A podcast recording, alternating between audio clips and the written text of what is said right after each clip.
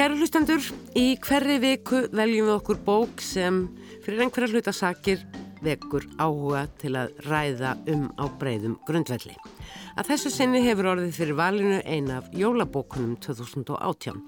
Horfið ekki í ljósið sem er fyrsta skáldsaga Þórdísar Gísladóttur fyrir fullorðan en Þórtís hefur áður skrifað nokkrar bækur um úlingstrákin Dotta á samt Hildi Knútsdóttur sem og einar þrjár bækur held ég um smástelpuna Randalín og ymsar skrittnar skrúfur bæði mannfólk og dýr í hennar nánasta umhverfi.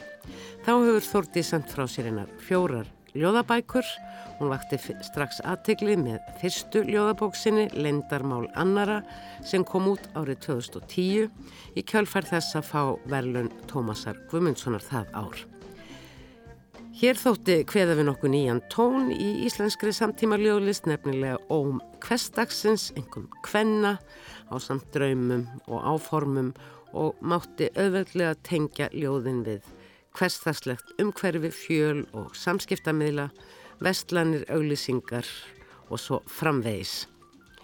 Til að ræða skáldsöguna, horfið ekki ljósið, eru hér stödd þau Brynhildur Bjöstóttir, bladamadur með meiru og Gísli Sigursson, rannsóknarprofessor við stopnun Árna Magnússonar í Íslenskum fræðum.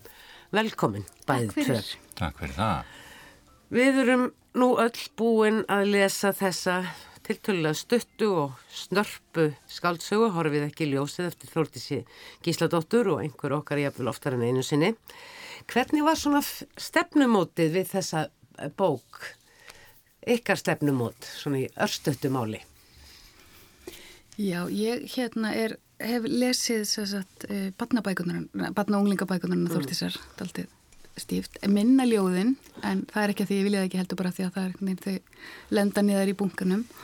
Og mér fannst ég kannast við ímislegt úr frásögnarhættinum og fannst það mjög gaman. Um, hvað var þar svona framvinduna og, og söguna þá, þá var ég svolítið mikið að leita að henni hérna í, í þessum fyrsta lestri og, og stundu fannst mér þess að ég væri bara að fletti gegnum hérna myndalbum eða, eða, eða einhvers konar svona minningabók það sem að er mm. kannski, þú veist, eitt þurkablóm, ljósmynd, hugrenningar miði eða þess að eitthvað sem að kveikir svona, kveikir minningu mm. á þess að vera beint sko einhvers konar uh, línuleg frásög og ja, það er í rauninni ekki fyrir einhver framvindu þar sem ekki yfir á öðru beinlínis. Við komum örgulega nánar inn á þessi atriða eftir en svona þeitt stefnum út Já, ég, ég hef nú verið spenntur fyrir Þórtísi lengi að bæði er nú dóttir mér 15 ára sem gleipir í sig bækur, hraðar en ég hérna get einhvern veginn fylst með. Og hún var, hefur verið mér hrifin að Randalín bókonum og uh, ljóðabækunar hennar. Ég hef verið spenntur fyrir þeim líka með þess að ég gerði mér einhvern veginn ferði í bókabúðin og Akureyri í sumafríi til þess að komast í nýja ljóðabókanar þar að því mér fundist hún alltaf vera með þessi óvæntu sjónarhóttn og nýjar hugmyndir inn í mm. sem þú lýsir hversteginum og hún flettir alltaf ofan af einhverju sem við tökum sem gefnu Já. og sínur okkur aðra hlið á því og það er sko, gerur hún með mjög eftirminnilegum og kraftmeglum hætti í þessari skáldsögu mm. þannig að einmitt þegar svona nýtt með að ljóðskáld semur skáldsögu og fólk finnur ekki söguþráðin í, í fyrstu þá er e, kannski erum við ekki alveg að kveikja á því sem er til umfjölduna, þannig er hugmyndir og mjög e, skemmtilegar einmitt skemmtileg umhugsunarefni sem mm. að hún flettir ofan af og sínir okkur í alls konar ljósi sem að hérna, verður forveitnilegra, forveitnilegra og spennandi því að það er alltaf gefið upp með morað strax í byrjun. Sussu, sussu. Heyrðum, en svona fyrir okkur til að setja okkur í stemningu og hlustandan með okkur, skulum við heyra stutt brot úr bókinni sem Þórtís las í viðsjá í vikunni. Minningar eru vísbendingar, margar eru sannleikanum samkvæmar ef hægt eru orðaða þannig. Þrátt verið það geta þær verið villandi, stundum og óljósar og sundurlausar. Atbyrðinni sem ég reyfja upp eru löngu liðnir. Það gefur kannski auga leið að uppröfjunin er upphaf frásagnarinnar. Sagan hefst um það byl sem að veit það sem hægt er að vita um það sem gerðist. Svo reyfja maður upp, raðar atbyrðunum og tengir þá saman. Þegar öllu hefur verið raða saman í helstaða frásögn er hugsanlega ekki mikið eftir að því sem raunverulega gerðist. Er eins og kallaði stóri sannleikur bara skáldskapur. Kanski fjalla allar bókmyndir sem máli skipta um minnið. Þær hefðu mögulega aldrei orðið til ef ekki verið fyrir hendi óttin um að lífið hverfi endanlega.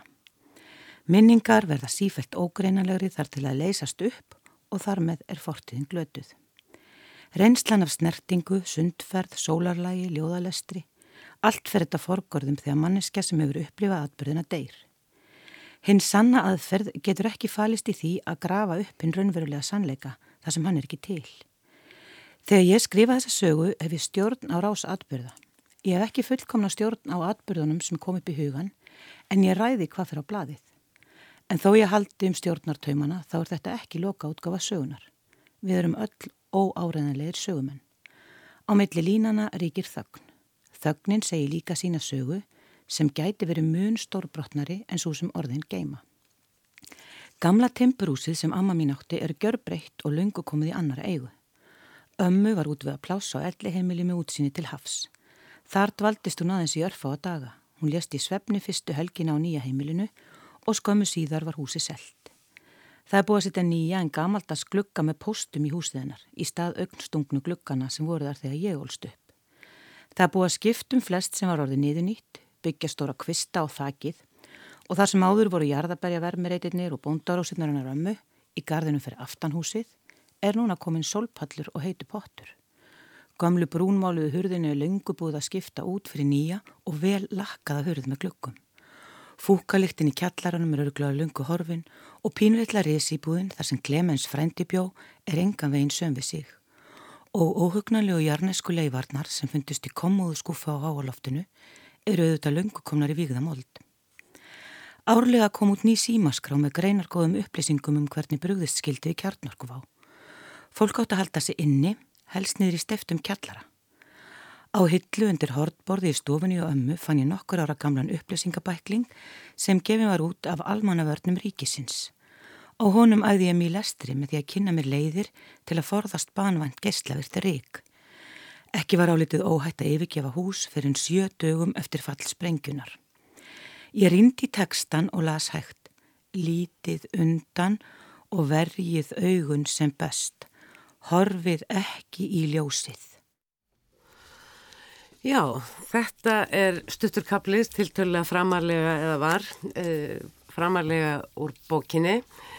Eh, sem að kannski má líta á sem svona einhvers konar forleik það er svona tæft á mörgu sem að sem að uh, kemur fyrir Já. og uh, farir hrætt yfir sögu mér langar til þess að byrja á því að, uh, að taka titilin sem er líka sem er einhvers konar yfirskrift á þessum forleik mm -hmm. horfið ekki í ljósið sem við fengum nú skýringu á en því að þessi titill vísa kannski ekki bara til blossans af kjarnorku sprengjunni. Nei, sko, mér langaði að því að ég svona, mér langaði að halda áfram aðeins með það sem ég var að segja á þann að maður verið að leita alltaf á frambundu svo bara í lókin þá allt í einu einhvern veginn opnast allt í einu bara opnast fyrir manni eins og í speiklasal eh, framvindan. Og þá í rauninni eins og ég hef heyrt, séð marga sem að tala um bókin allavega svo samfélagsmiðlum ég lakka svo til að lesa hann aftur.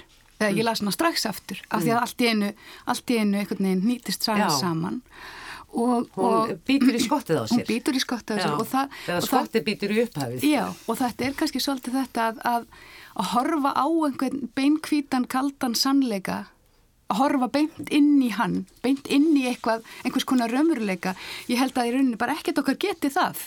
Þess vegna erum við alltaf að klæða þessar minningar og, og, og búa, búa, búa okkur til okkar útgáfa mm. frásögnum og svo framvegis og hérna, mér fannst titillin svolítið vísa í það. Mm. Að allt í einu þá kemur í ljósiðan þessi raunveruleiki sem sem að er hvað ég má segja, sem við getum ekkert, getum ekkert hort í þetta ljós sem er lífið kannski alltaf. Þú skrifaðir uh, svona östuðt í mokkan svona hugleðingum um þessa bók og þar ertu um þetta að tala um þetta uh, þennan titil og hvernig frásagnir gætnan sko fara í kringum það sem það er eiginlega alltaf að segja frá. Já, já, ég mitt, ég, ég, ég var nú þetta að vera nú pistil um tungutak og ég var bara svo hissað því að þið heyrti í umfjöllinu sjónvarpinu og fólk hefði mitt átt að þessi ekki á um hvað þessi bók væri. Og hans þetta verður bara söndulust og svona skemmtileg og tíðarandi og alltaf mjög skemmtilegt hvað hún nostrar við smáatriðin í alveg nýri stál öskubakkana og síkaretnar sem eru þar að brenna. Að uh, þetta sem Brynhildur er, er, er, er að tala um að, að horfi ekki á aðalatri, horfi ekki á það sem raunverulega gerðist, það verður alltaf að búa sér til eitthvað, einhverja hliðarsögu og það sem við höldum að hafi gerst, það sem búið er að segja okkur, það er síðan allir kaplanir í bókinni er einhvern veginn tengjast inn í þetta megin þema, það kemur hérna áskona Ingemars Bergmann og sem að reynist að veri njóstnari og og er svo líka vinkona ömmunar og þá einhvern veginn líka verður amman grunnsanleiri það fellur strax grunnur á hanna það er kannski meira og aðtiklinn beinast að hárgreyslu græjónum hennar og svo framvegis. Og, um, og þetta hvað hún er að leggja upp einhverjar senur sem er heldur í að nú fer þetta gerast, nú verður henni hérna nöðga, nú verður hún misnotið eitthvað. En þá fer það alltaf í einhverja aðra átt. Og þetta eh, er stöðugt hérna, viðfangsefni bókarinnar að, mm. að við erum með eh, horfum eitthvað til hliðar og við sjáum ekki í rauninni hvað er að gerast og svo kemur hérna misnótkun eldri manns á ungri stúlku og þá verður það í rauninni hennar eh, eigin sko, frumkvæði mm. eins og hún segir frá því. Emmitt. Eh, það er alltaf skemmtilegt að heyra í ykkur svona í sambandi við svona hversu já, hversu já, sundurlaus að bókin svona mörguleiti virðist lengst af við skulum heyra höfundin sjálfan lýsa þessari bók eins og hún gerði í Vísjá einmitt Þetta er einhverleiti þroskasaga konu sem fæðist eh, á kaldastriðsárunum, einhvern tíman á sjönda áratögnum. Síðan er ég einu svona þræðir. Eh, hún er sáði fyrstu personu, þokkalega línulega þannig séð, en það er svona sko, konan sem segja söguna er í nútímanum að segja, að tala, segja frá sinni, sinni, sinni sögu. E, svo eru svona þræðir í henni, um, það er svona nokkuð kannski þemu, hún fjallar um söflesi sem er svona alveg gegnumgangandi hún fjallar um, um kjarnorku vá uh, og þessa beinagrindur sem eru í hérna Allum, allir hafa í sínum skómaskóptum þess, þarna í þessari bók er, er, það, er það í bóksalum merkingu er beinagrind einhver staðar.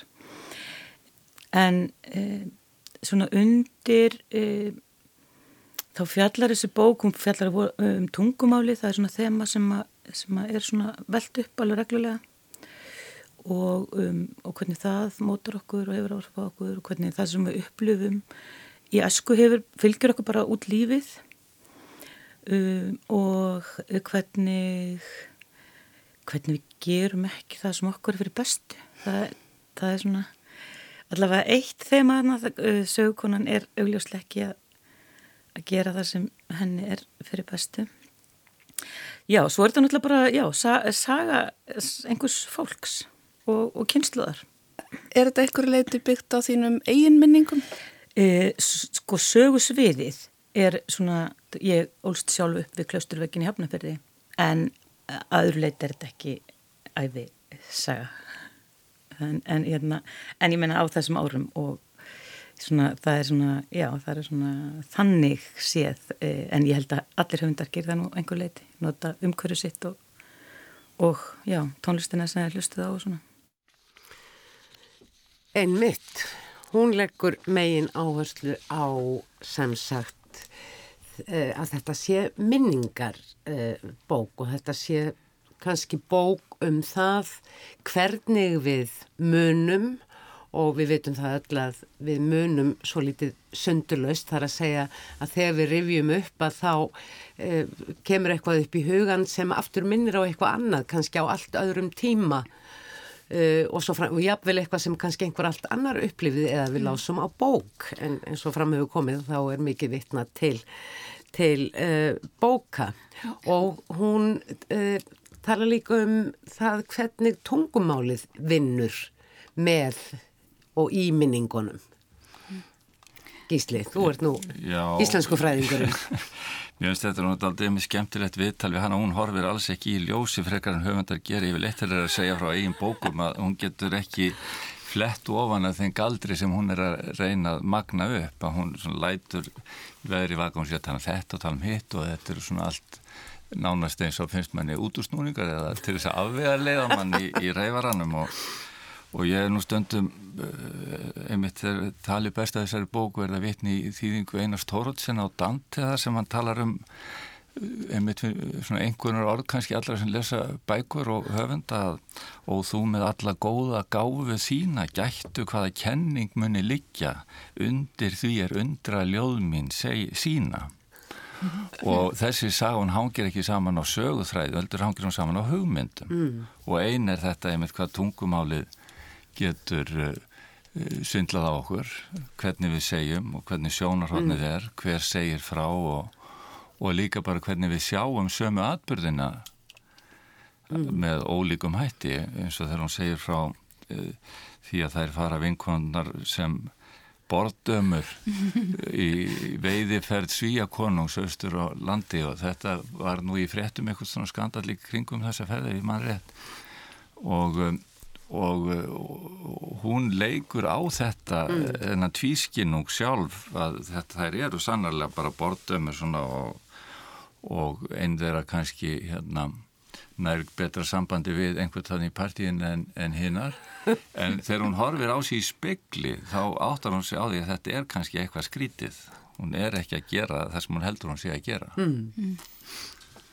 Já og líka einmitt og hvernig hún sko er, all, er alltaf í gegnum sögurnast að gefa manni að þú veist að tala um þetta gíslega, hún hérna hefur svona þessa sín á raunveruleikan þessa skemmtilegu sín á raunveruleikan og hún er í rauninni oft þá, þá er maður, heldur maður að maður sé að lesa einhverja lýsingu og skimur ein setning og þá allt í hennu komið bara bara litinni breytast í allri, all, öllum kaplanum og öllu hérna og persóna kannski fær alveg alveg nýja vitt og, og, og mér finnst svo gaman hvernig hún gerir þetta. Þetta er svona, það er eitthvað svona pústluspila ráðgáttu sko og, og hérna hún, já, svona verið að leika við mann, mm. svolítið En svo finnst mér hún líka svona svolítið verið að leika sér við, með þetta svona, hvað ég segja, æfiminningaform uh, og, og upprifjun lífsmýns uh, mm. litteratúr og jáfnvel allt aftur til uh, hérna Lawrence Stearns og hans ágæta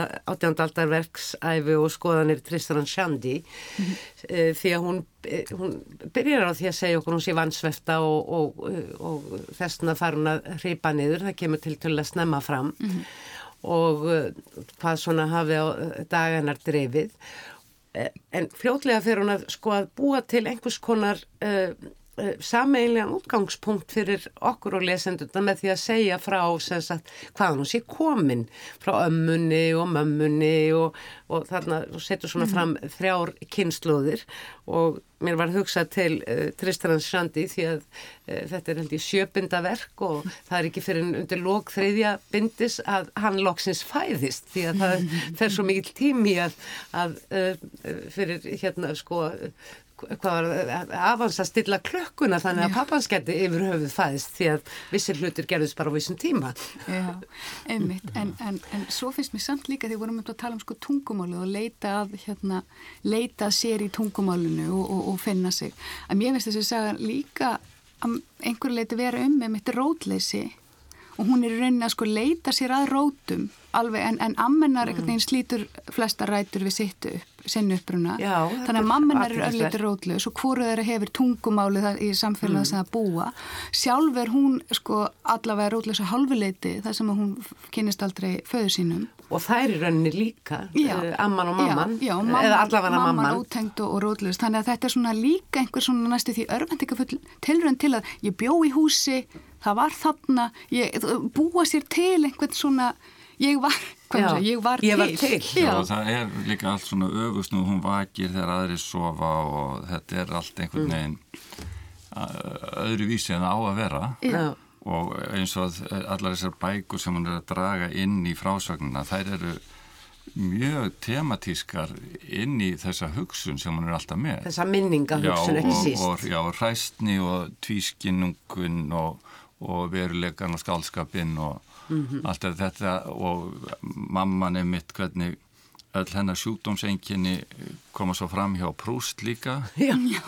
þar eru þau sko, snill líka á að það getur verið eitthvað svona feminískur vinkill á því líka að kallin ver, verður svona séni með þessi skrítnu enginni en uh, mamma verður auðmingi eða því sem næst. Já, já, þannig að það er, það er svona speiklun í, í því líka að, að, að þetta, þetta kostulega hispursleysi þegar hún er að tala um sko, hverstægin að, og tegur sér langa upphittun í þetta eina svona sem nálgast að vera kynlífslýsing og svona velta því fyrir sig hvernig að takla þetta. Svo endar hún einmitt mjög þetta verður svo einmitt þetta sama hispus hverstagslega hérna, orðfærið og sjónarhóttnið og Það er svona svolítið eins og þeirra sábúkulega þessi íðilfagra hérna, íðilfagri skapnaður svo bara springur hún Já, það er bara vastrópi. Já, já, það er vinkonurnar að leia saman og deila elskuga sem er alltaf svo fullur þegar hittir þær og það draga hann heim til hans.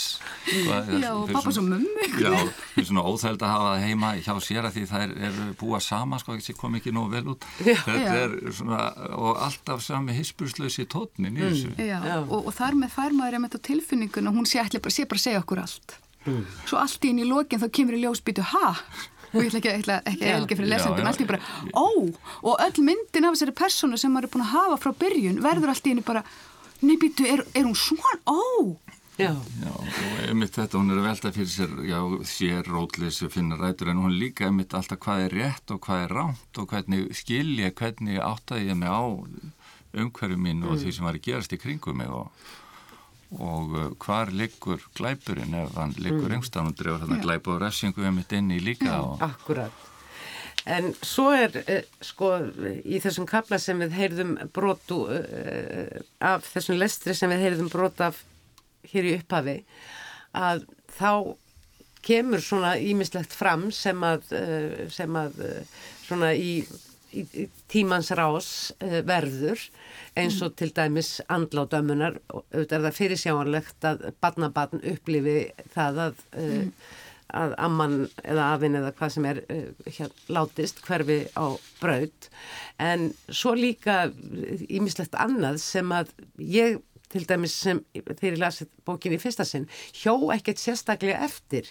Fyrir en í rauninni undir lokin þegar að, að Mm. Það er ljóst að, að þarna, hef, þarna er, er líka einhvers konar glæpasjói í vað sem að ég... kannski við tölum ekki alltaf konkrétt um en uh, fannst, uh, fannst ykkur það ganga upp, áttuðu ykkur á uh, í hverju í hverju þessi glæpur hafði, já, já, sko, í hverju hann fólst er augljóst en, en hver Já, ég veit ekki alveg hvort mér finnst þetta að vera glæpur. Ég upplýði þetta meira sem einhvers konar... Retting? Já, bara einhvers konar svona örvendingu eh, sem að, sem að fer úr böndunum í raun og veru. Ég, ég upplýði það þannig og, og við fáum náttúrulega í rauninni sko á öðrum stað, einhver staður um miðbúk bókarinnar, þá fáum við alveg eiginlega nákvæmlega, nákvæmlega lýsingu á því sem gerðist, en þú bara, af því, af því hún fær ekki, af því höfundurinn er ekki með alveg bara rauðan penna, takið eftir, hér er lekillina bókinni, þá bara einhvern veginn ferða fram hjá manni. Mm.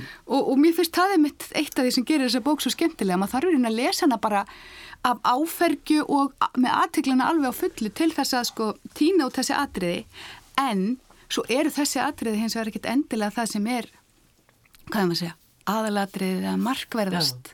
og þá eru við líka komin Eða eiginlega er, þetta er umhugsun um þetta svona, þú segir einmitt nefn þetta er ekki glæpur, þetta er ekki, þetta er bara redding og, og það er hluti af temanum hvað hvenar er glæpur, glæpur, þetta er samkvæmt svona lagana skilgrinningu, er, er það það? Já, já.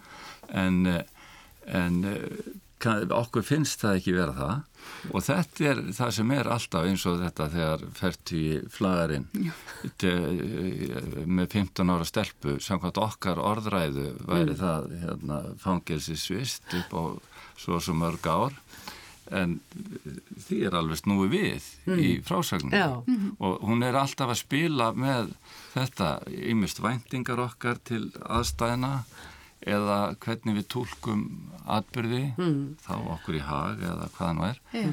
og líka þessi kjarnaglæpur sem er ekki glæpur og, og, og hérna kaffið sem að flagarinn uh, býður upp á en amman býður alltaf upp á te amma býður aldrei upp á kaffi. Veist, þannig að hún er góð í því að vera alltaf í, með teðið sitt Já.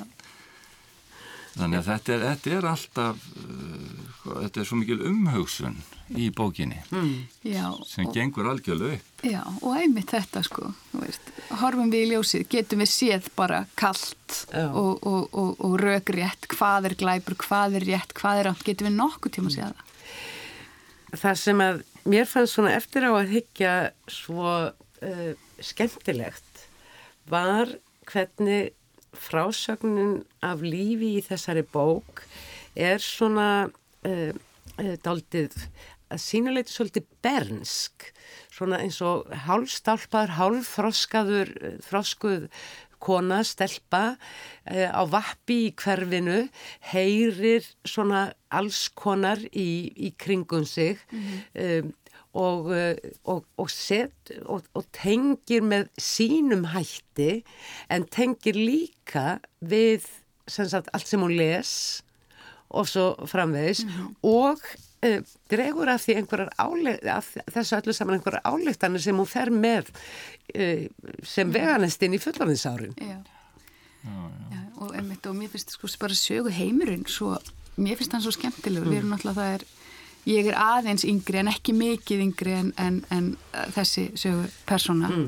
Og til dæmis mann alveg eftir kínaskóm þá ég hef verið í þeim sem barn en hún sem unglingur, þú veist, en, en hérna, mér finnst þessar, þessar lástömdu sko lýsingar á umhverfinu og er, og mér, mér fannst ég rauninni vera komin í, og það er rauninni sko segir ekkert um fullorðan þegar barna, en mér fannst ég vera komin svolítið í sama söguheim og í randalínu munda, það sem er einhvern veginn lýsingarnar eru svo lifandi Ah. lýsingarnar eru svo, það, það stökkva svo á mann en þetta er ekkert einmitt ekki einhverjar hástemdar dramatískar eh, sjónrænar lýsingar. Heldur þetta meira eins og, eins og Gísli var að segja stálörsku bakki og allt í hennu maður komin með bara, maður er bara komin það bara svona flettist upp eins og flettimynd. Heil bara, heil, heil sviðsmynd af umhverfi það sem að hvít sigaretta brennur í, í, í stálörsku bakka og, og svo framvegi sko. Mér finnst þetta svo óbúslega ofsalega gaman að, að einhvern veginn drekka í mig. En svo er nostur eins og bara líka við nöfnin á eins og sýsturna Lilja og, og Lóló sem heitir Rós Björg. Og svo er Lilju þú ljúfa Lilju Rósin. Sko að Lóló sem er að bjarga Lilju Rósinni sýstur sinni.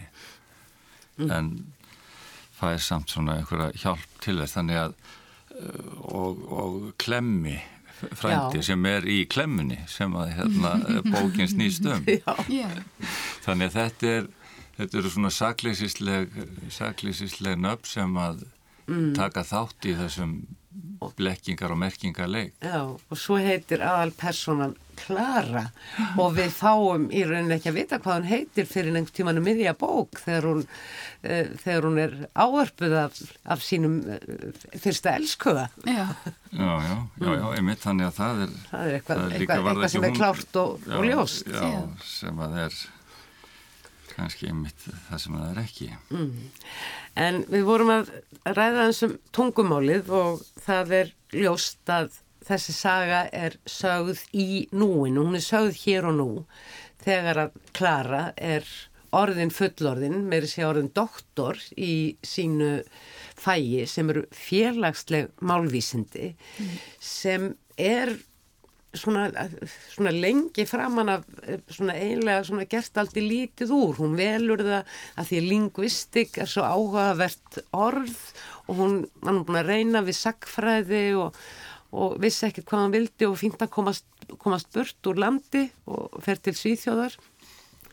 En uh, þetta uh, við höfum líka fengið að vita að í rauninni þetta með tungumálið og, eh, og hinn hin félagslega hvernig, hvernig tungumálið er- mótað af félagslegu umhverfi og hefur áhrif á þitt félagslega umhverfi um, hafði bara eitt af því fáa sem hafði vakið áhuga hennar í mentaskóla og þetta fannst mér allt uh, sko en, en þetta er, þetta er svona slitróttur þráður sem að svona maður næri ekki saman fyrir en í rauninni allt er komið heima saman eins og svo margt. Já og mér finnst líka bara svo skemmtilegt að, við, að þar sem við erum í rauninni í þessari frásögn og sem maður gleymir náttúrulega alveg reglulega gegnum Mað, við erum í sko ekkurum svefnrofum eða við erum hann um óttu bil á einhverjum svona viltum, viltum tíma þegar allir eru sofandi og maður er vakand og það sem að draugar búa og, og, og, og margtræðir og draumar og einhvern veginn. Og hún er þar í sko að því mér fannst líka mjög aðtilsverð þessi, þessi bara, þessi svona lýsing á því að vera miðaldra einhvern veginn og vakna um miðanótt einhvern veginn, get ekki sopna, Já. það eru margir sem lýsa því að það, það ferli byrja á þessum aldri. Margir sögðu kápan er ljót, uh, ég er alls ekki samanlega því, mér finnst kápan frábær, þetta Já. svona óumbúna rúm það sem að, sem að finnur að er ennþá aðeins volt að því einhver er búin að vera að bylta sér. Nákvæmlega, þau, og ljósmynd á okkur vekkfóri sem er líka ljót frá þessum tíma. Já. Þetta er allt einmitt, mér finnst þetta allt vera svo tematísti, mm. svo hún gefur nú ansið mikið upp boltan þegar hún er að lýsa þessum félagslegu málvísindum sínum uh, snemmi í bókinu hvað, hvað þú þarfst að fara að hugsa um mm. þegar þú ert að lesa þetta, einmitt með allt þetta með sjónarhóttnið og orðfærið og, mm. og aðstæðunar, hvernig það er móta það sem við segjum mm. að við fannst það kveikja mikið á því svona hvaða mótök, hvaða móttökustöð var maður þurfti að hérna, hafa opnar, opnar hafa á onn já, já, þegar maður væri að lesa þetta. Mm. Já, og einmitt, það er þessi leikur mm. og, og, og það er Ég fannst líka eh, eh, eh, það er hérna í, í þessum litla kabla þar sem hann er að tala um félagslega málvísindin eins og kennarinn hafði útlistaða fyrir henni að þá talar hún um sko valdið á tungumálinu. Og þarna eru, er fólk sem að hefur ekki vald á tungumálinu eins og amman sem að er jú innflytjandi frá Þískaland og lærir aldrei íslensku og talar einhver, einhverja bjagaði íslensku við stelpuna til dæmis. Og, en hefði náttúrulega geta kent henni þýsku og svo líka í sambandi við þarna fyrsta kærastan sem hún á svona lengra samband við að hann hefur ákveðið málhelti sem að gefur henni svona ákveðinni ákveðin, ákveðið, ég segi ekki vald en, en ákveðin stall í þeirra sambandi að því hún getur uh, leiðað húnum Já og allur aðdraðandin að því sambandin og hún fær vinnu á lögmanstofi hjá svona tveimur eldri köllum og þá er mitt eftir menn og í hugi ljósi samtímas að þá fær þeir eitthvað að aðast í inn á ángrana þá eru þeir svona óvila hugulegir og bara gefni bjóru á förstutum sem hún getur farið með heim alls ekki til að setjast niður og drekka með henni. Mm. en svo kemur hann einmitt þessi sonur eða frendi já, eða frendi, Svenni frendi já, og, og fer að svona koma oftar en að nætti eða þyrti á lögmannstofuna og þannig að þetta byrjar allt með, já, má ekki segja eðlum hætti mm. já, já. en hún notar málvísindan á mig sem útgönguleið úr því leiðinda sambandi mm. og notar það tungumáli þá einmitt til að hefja sig Það farið að stittast í annan lendan á þessu vantar alveg umræðu um eitt tema það er, er þetta feminísk bók? Brynhildur, þú ert nú mikið feministi og hugsun á konum líkansverðingu, það er mikið talað um megruna kúra til dæmis í þessari bók já, og ymsar staðalmyndir og svona hvað konur geti leift sér já. og hún er alls ekki að segja að hún sé að sofa hjá í fyrsta sinn, mm. það sé ekki við eðandi. Já, sko, ég myndi segja að þetta væri allavega kvennabók og, og af því að náttúrulega allar personur sem við heyrum, sem, sem eru, sem heyrum tala eru, eru konur og að einhverju viti. Og líka þannig að sko að allir kallarnir við eru meirið að minna gallaðir eða það eru dregnir fram einhverju gallar í þeim. Allir nema kannski alveg undir lókin og allt í einu opnast þar einhverjir persóna sem maður bara veit ekki hvaða, hvaða hlutverkleikur en mm Já, ég, ég myndi ekki, ég, ég, hún, hún minnist á Símondu Búar og, og hennar, hérna, hennar, hennar frá, sagt, tilurinn til að segja frá lífi sínu og svo framvegið sko, hvernig þeim tilurinn var tekið og svo segir hún hérna, segir hún hérna, undanfarið hefur leitað á mig hversu einlega og opin ég ætti að vera þegar mm. hún er að velta fyrir sig að segja sín einn sögu. Þannig að, jújú, jú, auðvitað eru margir feministki þræðir í þessari bóku, þeir eru kannski ekki sterkara en ímsir aðrir spennandi þræðir í henni, fyrst mér. Mm. En er þetta ekki líka bara eins og allt annað í bókinni að hún er alltaf með kynnslóðir kvenna þarna, það eitt gerir hana svona með sterkar áherslu á konur en já. allt annað. Já, og, og hlutskipti þeirra sem ræðist af ja, kyni þeirra mjög mikið mm. viðþorfi til þeirra sem kvenna og, og, og bókin er mjög mikið á þeim nótum út í gegn og hún sjálf sögukonan og hún er ekki síður. Hérna, hennar viðbröð við henni eru, eru kynbundin. Já, já. þannig að þetta, þetta, þetta er stöðu undirlikjandi umræða líka en frekar en allt hitt þá er þetta ekki okkur, þessi er ekki tróðið ofan í kokið á okkur.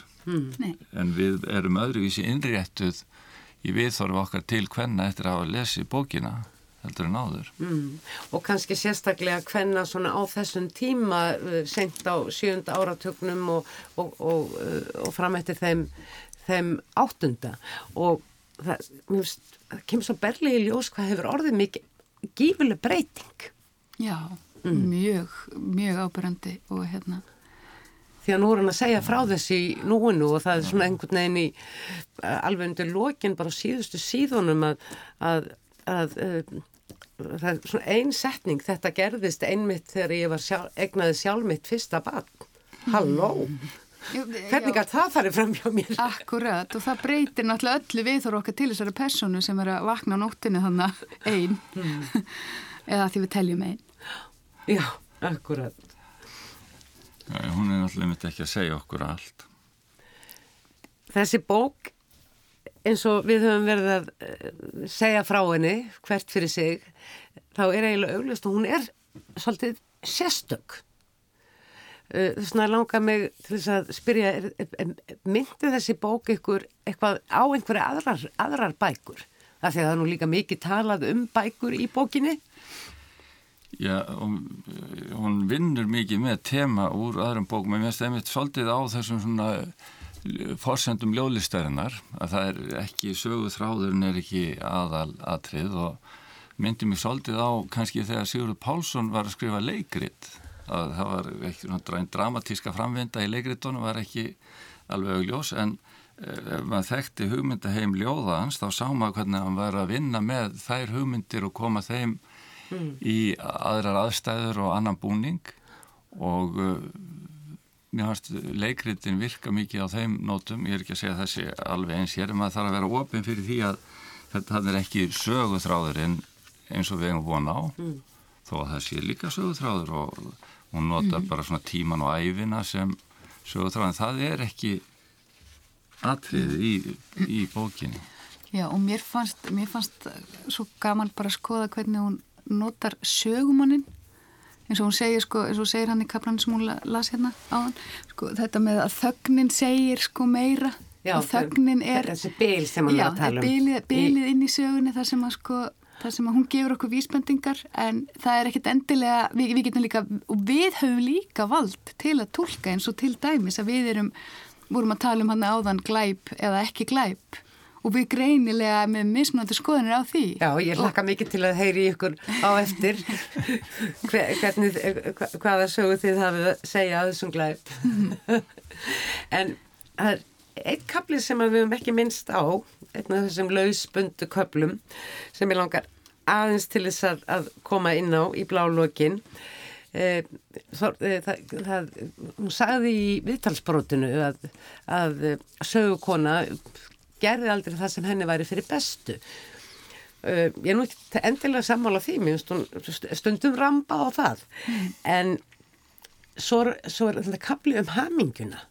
Það er allir að vera svo hamingjusamir. Er það eitthvað eftirsoknarvert? Hún, hún setur við það spurningamerki. Já, Munið þetta er þessum kapli? Já, já, já, en er, er það ekki bara það sem fólk er mikið einmitt að spurja um núna, þessi uh, hamingju ímynd sem að hefur að haldið á okkur og allir eiga að vera extrovert og það sé leiðin til frama og, og, og lífsgleði.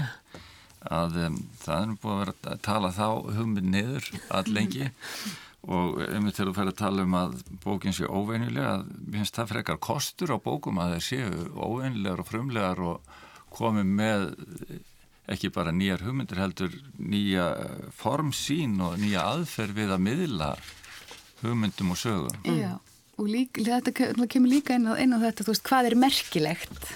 Af því að, að, að hamingja er eitthvað svona, eitthvað hugtak sem að á að vera svo óbúslega fast og við eigum að þekkja það þegar það kemur og nú er ég hamingisum og nú er ég ekki hamingisum og eitthvað svona, sko. Mm. Og svo er það náttúrulega bara að því að ég rakst á hérna ljóð eftir Þúrdísi sem að byrtist á Starafugl núna bara í oktober Okay. um svipalit og bókin kom um út svipalit, já, og þetta er, er úr hérna óutkominni bók sem að kemur út á næsta ári.